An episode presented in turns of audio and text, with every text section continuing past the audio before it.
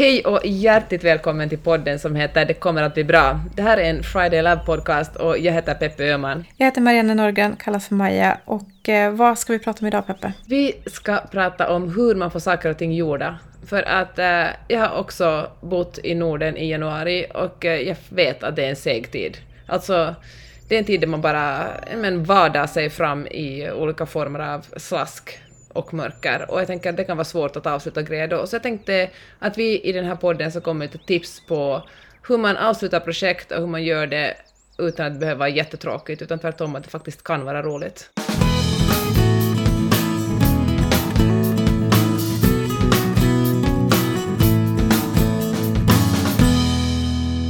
Den här podden passar både för dig som vet exakt vad du vill men inte vet hur du ska ta dig dit. Men det passar också för dig som har 10, 20, 30, 100 saker du vill göra och inte riktigt vet hur du ska fördela all energi och pepp du har. Eh, det tror jag att vi vågar lova ändå. Ja, och det vill jag också säga att just sådana här saker sysslar vi med i Friday Live Community som är vårt kvinnonätverk. Och eh, just nu tar vi in nya medlemmar, vi gör det fyra gånger om året och vi försöker växa lite långsamt så att alla som kommer in får en chans att bekanta sig med medlemmarna. Alltså det är ett ganska intimt nätverk trots att vi är över 100 personer än. Och äh, då är det bara att ansöka. Vi stänger dörrarna den äh, första februari. Yes, det gör vi. Jag tänker att det är äh, i dessa tider, kan man säga så, är det mm. bra att bygga strukturer som stärker eh, ens mentala sida.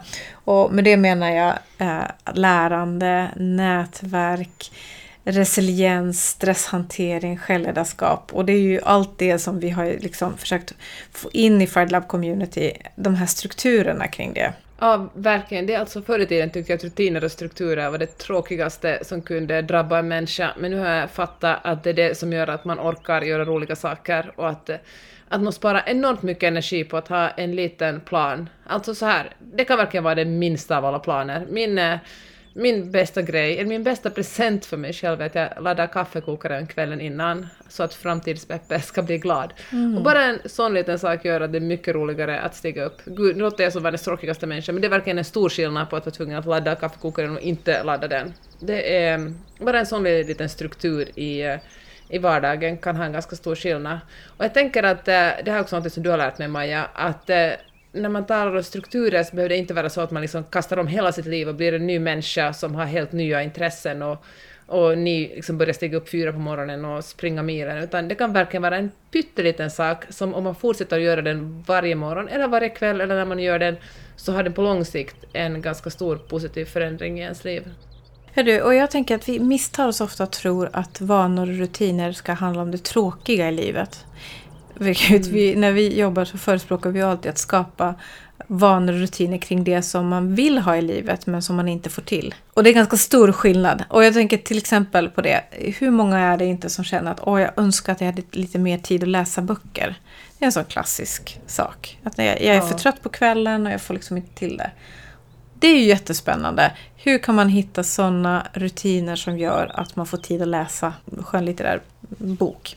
Vi hade ju en medlem mm. som började läsa på morgonen till exempel. När hon vaknade så satte hon liksom hon hade en kvart tidigare väckning så läste hon en kvart på morgonen. Det där är en, tycker jag, en jätteviktig poäng. Alltså, man måste inte läsa mer än en kvart, eller till och med bara två minuter två gånger om dagen. Det är ungefär det jag gör. Jag läser alltid när jag borstar tänderna på morgonen och, så borstar, och när jag borstar tänderna på kvällen. Och sen om jag hinner läser jag också däremellan, men det är liksom två garanterade lässtunder som jag får. Och uh, fyra minuter om dagen är jättemycket mer än ingenting alls. Ja, men det blir ju det när man gör det varje dag, eller ens varannan dag. Eh, det är ju ett vanligt så här fälla krokben för sig själv-tänk att det ska vara så himla perfekt allting. Eller att det ska ta så länge. Ja men alltså man tappar lite poängen. Jag tänker en annan sak man kan tänka så här. Okej, okay, men jag skulle vilja gå på, jag borde gå på kulturella event lite oftare. Och så börjar man fundera på att okej, okay, vad är det jag verkligen vill? Och så funderar man och jämför och snackar med folk. Är det teater, musikal, opera? Eh, vad är det? Dans? Eh, och så kommer man alltid till skott. Istället för att tänka, okej, okay, det här är någonting jag vill utforska. Jag försöker gå på så många små grejer jag bara kan. Jag kanske tar jättebilliga biljetter. Jag går inte på den privata musikalen med biljetter för 800 spänn. Utan jag går på operans allra högsta upprad. Där kostar det 65 kronor. Eh, och testar mig fram. Att hur mycket mer man hinner med i livet om man tar den approachen istället för att hela tiden söka det optimala.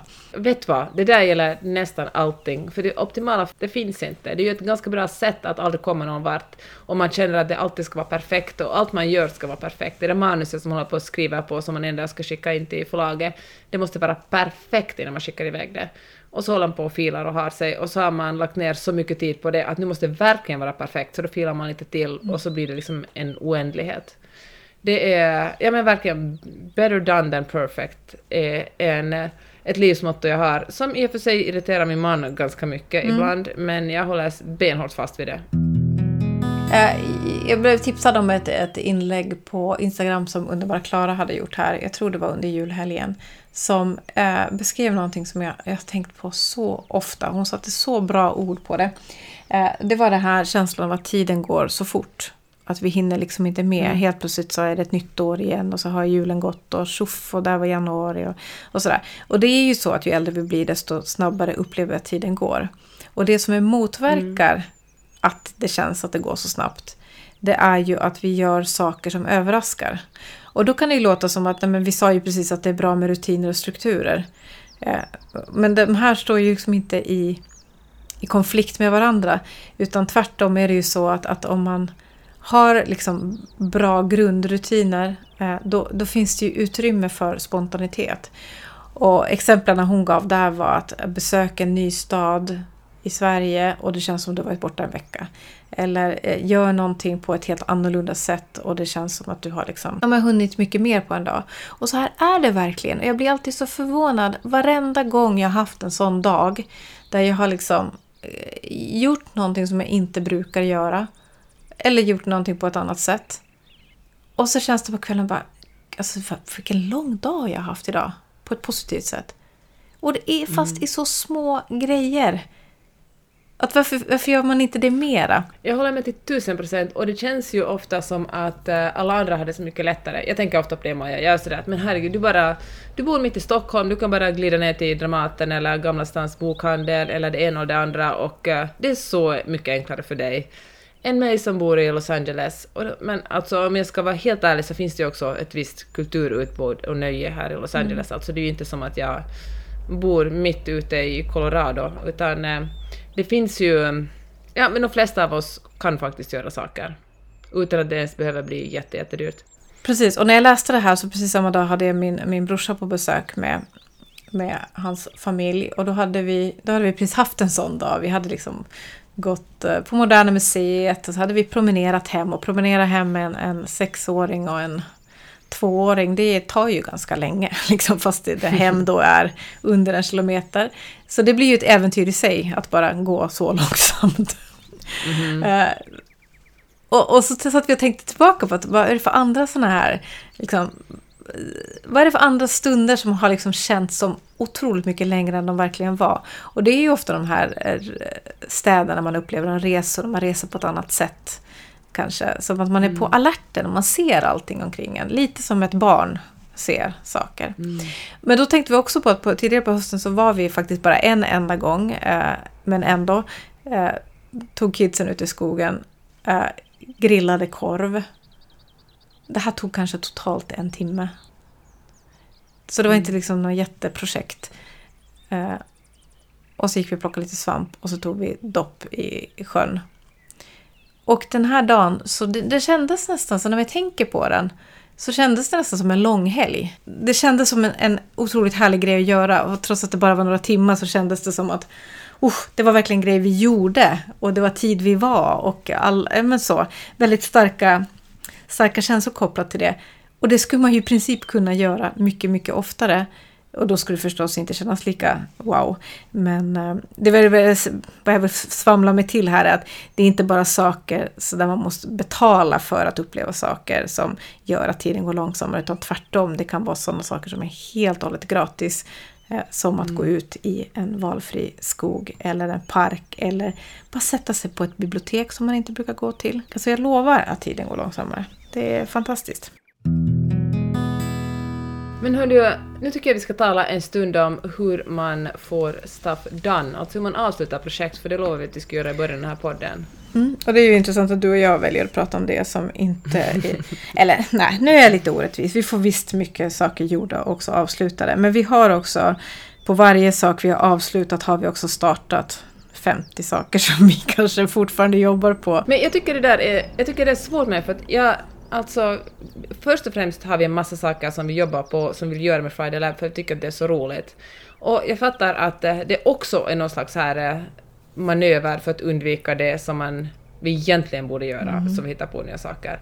Men eh, alltså, jag vet inte, jag tänker det, det är tudelat. Det är ju inte speciellt eh, produktivt att ha liksom 50 projekt på gång som inget av dem är avslutat, medan det som man verkligen, inklusive det som man verkligen borde jobba på, sitter och väntar på att man ska ta itu med det.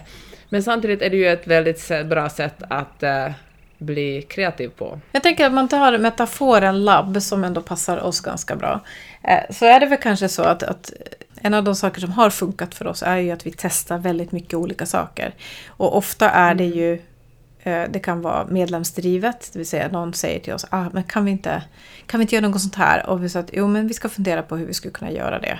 Hur vi kan skapa ett, ett, mm. någonting kring det som de efterfrågar. Och så går vi igång på det och fixar.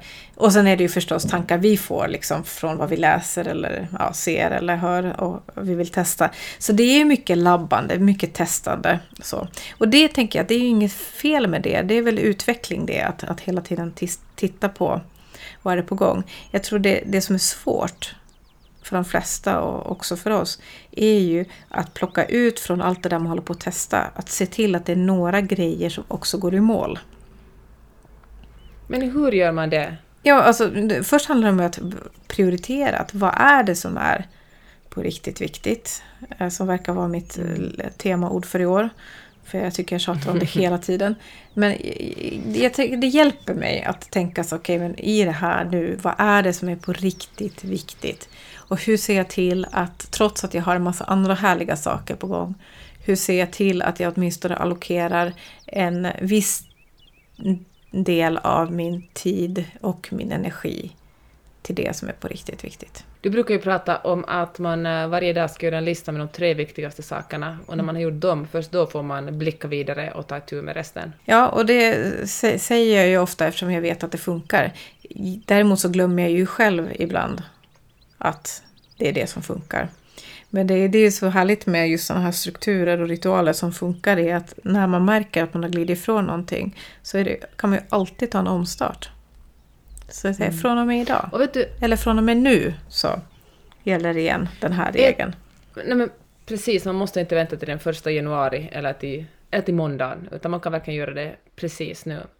Men hör du, jag tror också att en sak som gör att eh, man lätt överger ett projekt är att det känns tråkigt och motigt för att man tror att projekt och det man jobbar med ska vara lite tråkigt och motigt. Men det är ju inte någonting som nödvändigtvis måste stämma. Utan eh, man kan ju göra saker och ting roligare. Nej men precis. Vad är det som gör att vi alltid tror att det måste vara den svåra vägen som är den rätta vägen? Ganska ofta är det ju den lätta vägen som är den rätta vägen. Jag tycker att du sa så jättebra innan vi började spela in den här podden är att eh, för det första så måste man inte kunna allt. Alltså istället för att lägga ner jättemycket tid på att försöka få reda på hur liksom en app funkar eller hur man ska, eller hur man, nej men typ så här, hur skickar man ut ett bra nyhetsbrev, eller hur gör man listor i Mailchimp, eller hur, eh, vad vet jag, hur fungerar eh, Ja men hur fungerar, hur kan jag tidsinställa inlägg på mm. Instagram? Alltså mm. vad som helst. Istället för att lägga ner flera timmar på att testa sig fram och forska så kan man ju också bara fråga. Alltså, det är inte att fuska att man frågar eller, eller tar, tar liksom en snabb genväg. Nej, varför tror, varför tror man det? Varför tror man att det är fusk att fråga? Jag, tror att det är för att eh, om man inte har gjort allt från början själv så räknas det inte. Då har man, ja, men, precis, men det, stämmer ju absolut inte. Man kan inte börja varje dag genom att uppfinna kaffekokaren. Eh, det där tror jag är extra vanligt hos företagare faktiskt. Där de tror att, nej men, till, till exempel, att det måste vara jag som... Eh, ja, men jag, nu säger jag företagare i allmänhet. Det här har jättestarkt suttit hos mig också att det måste vara jag som har gjort X. Eller jag måste ha gjort alla, alla steg från 1 till 100 i en, en processutveckling för att det ska vara min eller vår. Men i vilket företag funkar det? Inget företag funkar det så här. I vilket Absolut företag inget. sitter VDn och svarar på alla inkommande mejl? Ja, en massa enmansföretag är det så, men inga andra företag. Och det är att, att man stannar i den tanken att det är jag som måste göra allt från 1 till 100. Då kommer man ju aldrig vidare. Eh, Och det har ju någonting Ja. som du och jag verkligen också har kämpat med, för man tänker så att men har jag verkligen råd att, eh, har vi råd att ta in hjälp? Och eh, att ta in hjälp betyder ju inte att man kanske måste anställa någon på heltid eller ens på deltid, utan man kan ju också köpa en hjälp på kortare punkter. Och då tänker man, men vem har råd med det? Men det kanske är en nödvändighet för att man ska kunna fortsätta vara företagare. Alltså det kan ju vara att, att om man inte tar in hjälp så slutar man växa. Det går inte att komma vidare från där man är för att man är bara en enda person och det finns ett begränsat antal timmar under dygnet. Då kanske man måste be om hjälp och den hjälpen är kanske den som pushar en framåt till nästa nivå. Ja, och det känns svårt och jag vet att det gör det för många och därför då vill jag alltså bara lyfta det igen, att, att det är ofta så det är. Jag tror att många har det i det privata också. Man tror att man måste Ja, göra allt verkligen. själv. Och ännu värre om man jämför sig själv med någon annan. Det kan ju hända att man gör det. I värsta fall så jämför man sig själv med en, en kondenserad bild av 10 andra eller 20 andra. Mm. Och så utgår man från att alla gör allting själv. Eller att alla kan allting. Eller att alla kan allting. Det kan vi väl lugnt säga att vi kan ju verkligen inte allting. Tillbaka till det här med fokus då. Att då har man ju alltid det valet. Att är det här viktigt på riktigt? Så, för mig just nu. Eh, eller kan jag sänka ribban på det? Tänker att det är en av eh, nycklarna till att komma vidare och få saker färdiga. Är ju att välja på vilka andra punkter man sänker ribban lite. Verkligen. Och sen känner jag också så här, alltså ibland måste man helt enkelt sätta projekt på is, eller till och med mörda dem. Alltså, det, är, det kan vara att det finns en massa grejer man vill göra och som låter ganska bra, men som just nu helt enkelt inte... Ja, men det är bara inte rätt tidpunkt just nu. Och då kan en, en bra sak vara att man bara går igenom dem och funderar, är det här relevant nu? Om det inte är det, alltså jag förstår att man kan känna sig sentimental mot sina egna idéer, för jag är verkligen där. Och så här brukar jag göra till exempel när jag skriver böcker. Då raderar jag, skriver jättemycket, raderar jättemycket. Och, och i alla böcker, alltså 100% av böckerna jag skrivit, då så har jag tagit bort jättestor och tjock text och så har jag sparat dem i en mapp och eh, för att jag tänker att jag kanske, jag känner mig sentimental, det är mina ord, jag jobbar ganska hårt för de här orden. Och eh, aldrig någonsin har jag gått in i den mappen och letat reda på någonting. Alltså det slutar alltid med när boken är klar slänger jag den mappen. Men, men det är ändå, det är på något sätt för att trösta mig själv när jag känner mig så här. Ja, men jag bara, men gud, allt det här hårda jobbet som jag gjort på det här projektet, eller den här texten, ska jag verkligen slänga bort den? Och då kommer jag eventuellt, jag kommer att göra det förr eller senare, men inte genast. Så det kanske är en, en em, strategi man kan ha med sina många projekt som pockar på ens uppmärksamhet. Men som man kanske ändå känner att det här, tar, det här tillför inte det viktiga projektet någonting. Jag tänker att det är också intressant att se vad är det man gömmer sig någonstans när man inte tar tag i det som man skulle behöva ta tag i. Det, ofta har vi specifika platser eller ritualer som vi gömmer oss i. Saker vi bara gör när vi borde göra någonting annat. Men ge ett exempel. Ja, men jag tänker att det är väldigt individuellt, men det kan vara till exempel för mig. Det kan ju ha varit så att eh, jag för en, några veckor sedan skulle göra en offert. Ehm, och eh, det, det skulle bara göras. Eh, men när jag skulle gå in och göra den, vilket jag gör i Canva. Så helt plötsligt märkte jag att oj, men här var det jättemycket dokument. Vad stökigt det är. Med mappar och bilder och grejer eh, inne i Canva. Och då kan det ju ha varit så att det gick några timmar till att organisera upp det här lite. Eh, och att jag den dagen inte gjorde den där offerten som jag skulle ha gjort. Mm. Det kan ha varit så. Eh, att börja organisera grejer är väl en klassisk sån hiding place. Eh, jag tänker att en inkorg på en mail kan också vara en sån. Att man är, oj, oj, oj, oj, vad mycket obesvarat jag har. Eh, det är bäst att jag jobbar undan lite i mailkorgen. Mailkorgen är tom. Sen börjar det komma in massa mail för jag har precis besvarat en massa, massa mail. Och då, är, då sitter man ännu härligare fast där. Och gör jätteviktigt jobb för de här, de här gömställena är ofta väldigt sådär produktiva, härligt. Det kanske handlar om att städa eller rensa garderoben eller Ja, men Ja. Sånt som man får en liksom genast bekräftelse Ja. på. Det är ju väldigt tillfredsställande att göra saker som, som säg du, som jag gjorde i morse när vi pratade, då passade jag på att rensa ett köksskåp. Jag känner mig så nöjd, för det såg genast jättemycket snyggare ut. Och eh, det är mycket lättare att göra avsluta ett köksskåp än att avsluta ett stort projekt, eller som då en bok till exempel, eller en kurs, eller vad man nu håller på med. Exakt. Ibland så funkar det ju för att ge den där boosten av energi. Jag tänker att, att känner man att man vill börja städa sitt skrivbord innan man ska ta igång, sätta igång en ny kreativ process. Då tycker jag då kanske man kan tillåta sig en timme av det. Eh, vilket Fast jag... då tycker jag så här, Mm. nu säger jag emot dig, jag tänker Ja, så här, man eh, börjar den kreativa processen, man ger sig, man använder pomodoro-metoden, man bara okej, jag kör 25 minuter, en pomodoro-session, och bara så att allt kommer ut, och sen städar jag skrivbordet, och sen fortsätter jag. För att när man byter plats och, eh, och liksom byter syssla, just när man är inne i en, en kreativ eh, process, det kan, det kan ju vara då som de riktigt stora idéerna kommer.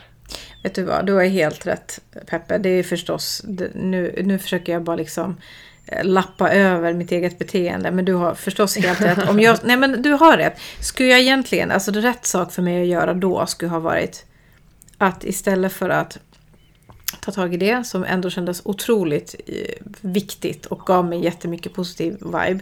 Så borde jag ha tagit min dator, eh, gått ner till Café Källarbyn på Stora Nygatan.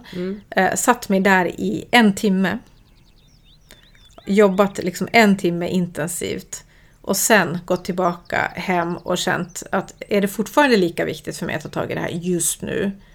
Eller kan det vänta? Och det kan hända att jag skulle känt annorlunda då. Ja, men man ska inte, alltså man ska inte vara för hård mot sig själv heller, tänker jag, för att eh, jag föreställer mig att det kanske, kanske är någon som är väldigt sträng mot sig själv, som lyssnar på det här nu och som tänker att herregud, jag måste bara sitta och jobba för att allt annat är distraherar jag mig bara själv med. Men de där distraktionerna kanske också kan vara en form av vila, alltså att man vilar i att göra någonting fysiskt som att städa sitt klädskåp. Ja, och eller, vet du eh, vad? vet Det var nog faktiskt det som jag behövde då.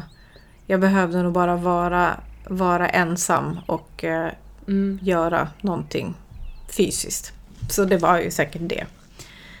Eh, ja, bra. Du får Men jag att känna mig tycker... smart nu i den här podden. Ja, du, du är så otroligt smart Peppe.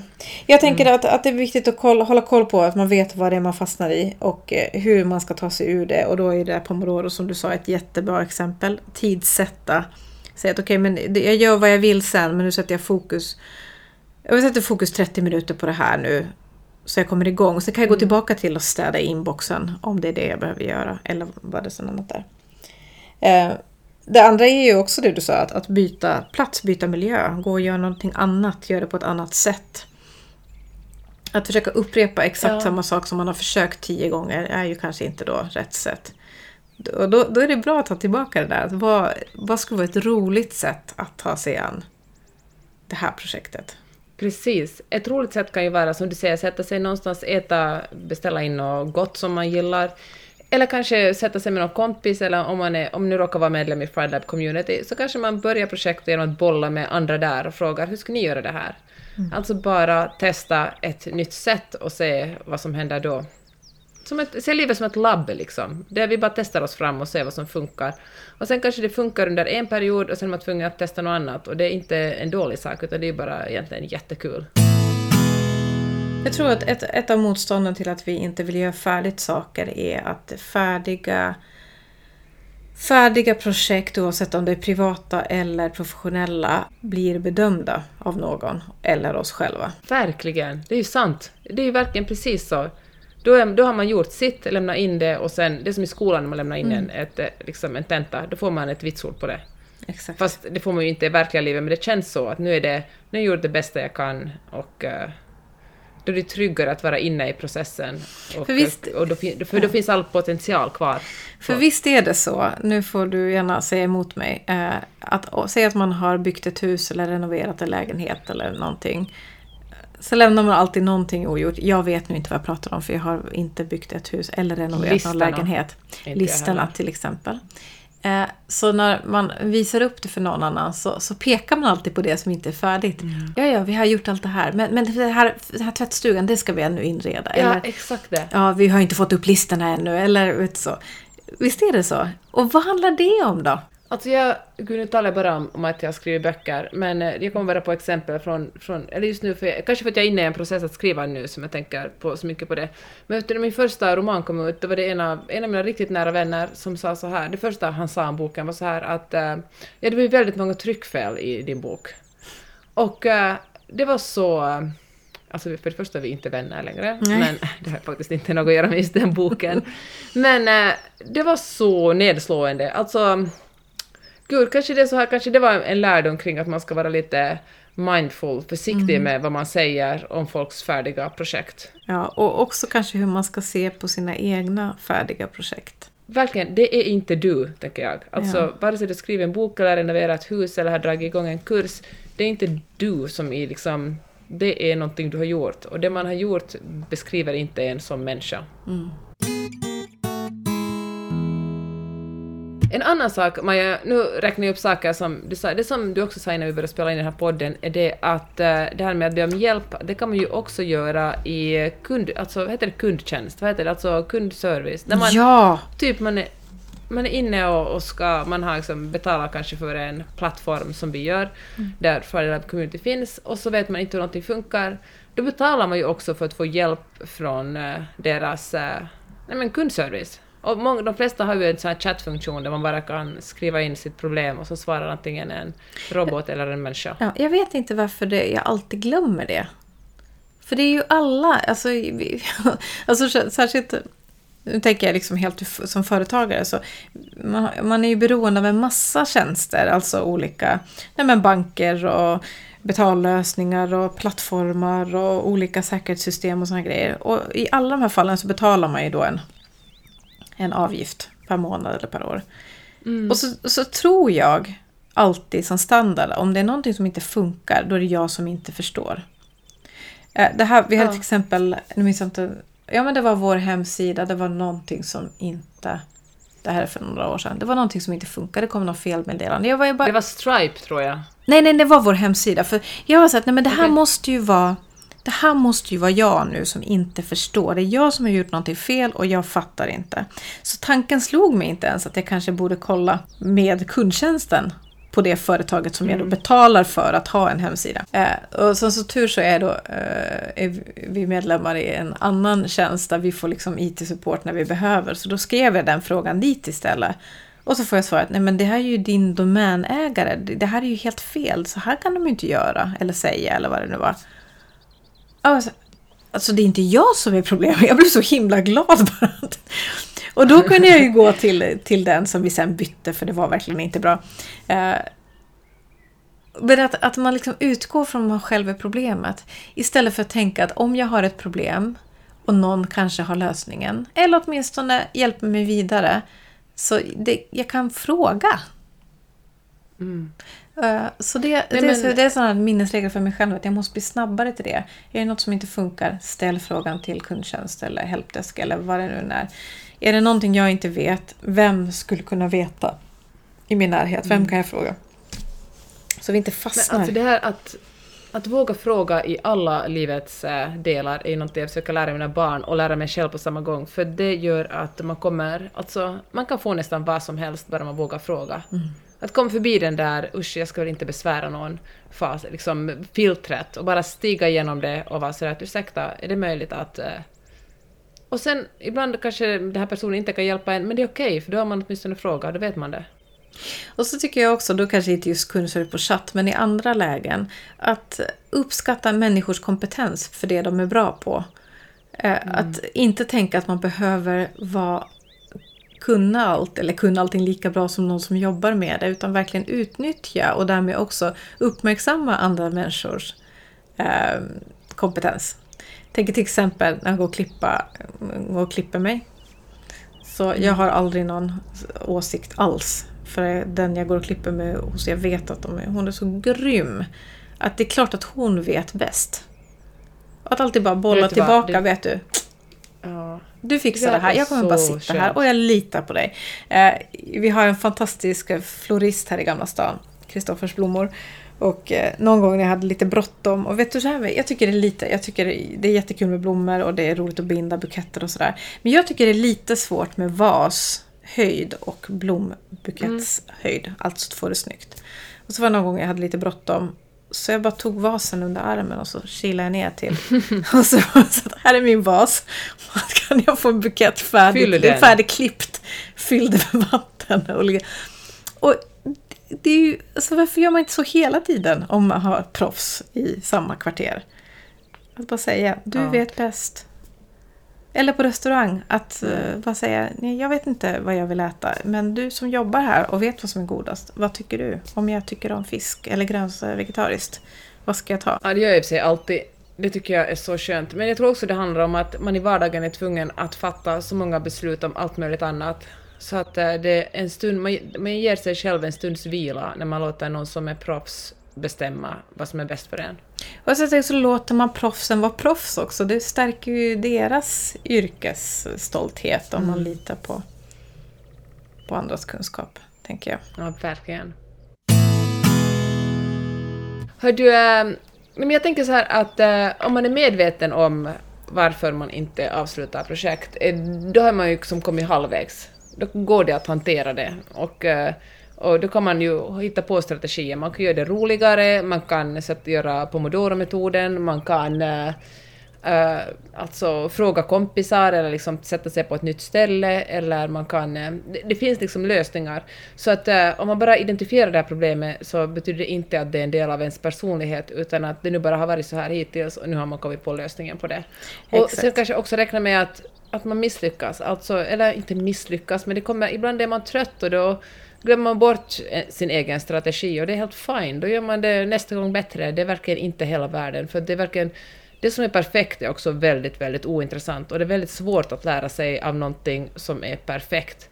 Det är när man snubblar lite och tar liksom en omväg som man ser de intressanta sakerna och lär sig någonting om sig själv. Så det är verkligen ingenting att vara rädd för. Nej men så, så rätt. Och jag tror att, att eh, fallgropen att man inte vet vad man vill riktigt eller man tycker att det är svårt att komma igång handlar kanske om att man, man har tagit i för mycket. Man behöver liksom ta det närmare sig själv här och nu mm. för att se vad det är. Och sen eh, att också titta på men är det så att jag säger att jag vill det här men jag vill egentligen inte därför att jag tror att jag måste ge upp någonting annat. Att liksom mm. våga ställa lite frågor eh, till dig själv om vad det är som står i vägen. Och där kan man ju ta hjälp av någon som är bra på att ställa frågor eller ja, någon i ens liv eller en coach eller någonting. Eh, eller så kan man testa med papper och penna bara. Att bara skriva så här, mm. vad är det som känns svårt? Skriv svara på det. Varför känns det svårt? Skriv svara på det. Okej, okay, vad ska jag göra om jag visste vad jag skulle göra? Ska ju svara på det. Att ställa liksom frågor till sig själv. Det, det kan vara överraskande effektivt. Ja, det är väl det som i grund och botten det handlar om, att bara kunna formulera det som man funderar på, det som bara är som en, ett litet luddigt moln i ens huvud men utan riktiga konturer. När man är tvungen att förklara det för någon annan, kanske till och med sig själv i text, så blir det så mycket tydligare och då kan man bara kavla upp ärmarna och, och ta itu med det. Hörde, jag gjorde det senast förra lördagen, så gjorde jag en sån liten skrivcoaching med mig själv. Um, mm. För att jag hade så mycket som snurrade i huvudet. Uh, och det, jag blir alltid så glad när jag märker att det funkar faktiskt nästan alltid. Så att, vad är det som skaver nu? Ja men 1, 2, 3, 4, 5, 6. Jag kom på tror jag 10 punkter som, som var sådär, åh, jag vet inte nu alls. Just det, du läste upp dem för mig sen också. Ja, precis. Du gjorde två saker. Mm. Jag skrev ner dem och sen skrev jag, okej, okay, vad ska jag göra åt det då? Och så skrev jag liksom lite action points. Och en del grejer var ju så att direkt att jag skrev ner dem och så tittade jag på dem och så att Ja men om en punkt var så här, ja, men jag är en så jävla dålig coach och ja. Jag menar, jag, mm.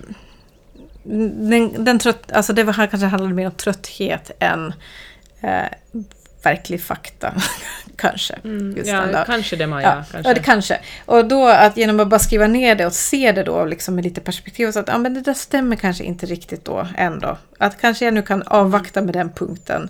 Det kanske inte finns någon actionpunkt just nu. Utan jag kanske ska sova lite, känna efter. Om det kanske imorgon känns på ett annat sätt. Och gör det inte det, då kanske jag måste fråga någon som jag coachar. Att, vad tycker du om coachingen som jag har, vi har haft här? Ja. Så. Det där, eh, jag tycker vi kan börja småningom runda av det här med just det du sa just att eh, ibland tror vi att vi måste jobba hårdare för att komma fram, men i själva verket så kan det vara precis tvärtom, att vi, kroppen behöver vila, hjärnan behöver vila. Är det så att du känner att det här allt är omöjligt, det kanske, du är kanske bara trött alltså. Ge dig själv en lång natts sömn och kanske till och med en ledig dag och ta itu med det senare så kan det vara att de flesta ja, men, hindren på vägen har försvunnit. Det Exakt. Är, alltså, Så vila bra. och liksom återhämtning. Vila och återhämtning och sen om jag får lägga till en punkt till. Ta och fundera på vad är det du tänker att du ska göra? Hur många saker är det egentligen? Att skriva ner det och sen ser det som en vad är det som är på riktigt viktigt? Och så lämna bort det som inte är det just nu. Idag, kanske för den här veckan, för en månad framöver. Så det bra. vi, två medskick. Vila och sen lista vad det är du tror att du ska klara av att göra och sen ringa in det som är på riktigt viktigt. Hör du, eh, vi, eh, du som lyssnar, vi kommer att eh, ha dörren öppna till Friday Lab Community ända fram till den sista januari och vi har ett begränsat antal platser så ansök om att bli medlem nu för det är ett jätte, jättefint nätverk där vi satsar mycket på att eh, leva hållbart och att leva hållbart också för att må bra och orka med alla projekt och roliga grejer man håller på med. Det ja, jag är väldigt stolt över det, Maja, vet du det? Alltså. Friday Lab är mitt, eh, ja, jag tänkte säga mitt kärleksbarn, men jag har ju faktiskt eh, barn också rent fysiskt, så det kanske är fel sätt att beskriva det på. Men du fattar. Jag fattar. Hörrni, Vårt kärleksbarn, Maja. vårt kärleksbarn, Så. vårt gemensamma kärleksbarn. Hör Ja. du, stort tack till er som har lyssnat och eh, om det här väckte några tankar hos dig eller någon fråga så är du varmt välkommen att höra av dig antingen på DM på Instagram, vi finns på fridaylab.se på Instagram eller på connectatfridaylab.se som är vår mailadress. Vi ses där. Det är det. Ta hand om dig. Tack för idag. Hej då! Hej då!